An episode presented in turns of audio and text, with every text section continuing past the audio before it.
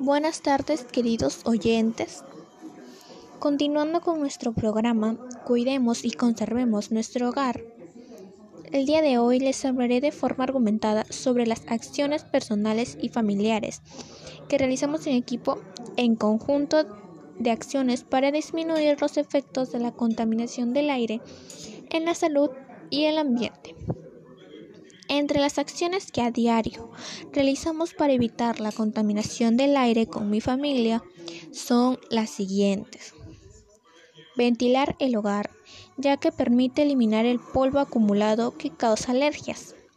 Plantar árboles, de esta manera se produce oxígeno y se purifica el aire.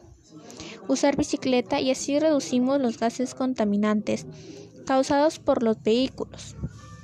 Además, nos ayuda a hacer ejercicio y por lo tanto mantenemos una buena salud. Evitar fumar. De esta forma, evitamos que se produzcan enfermedades respiratorias.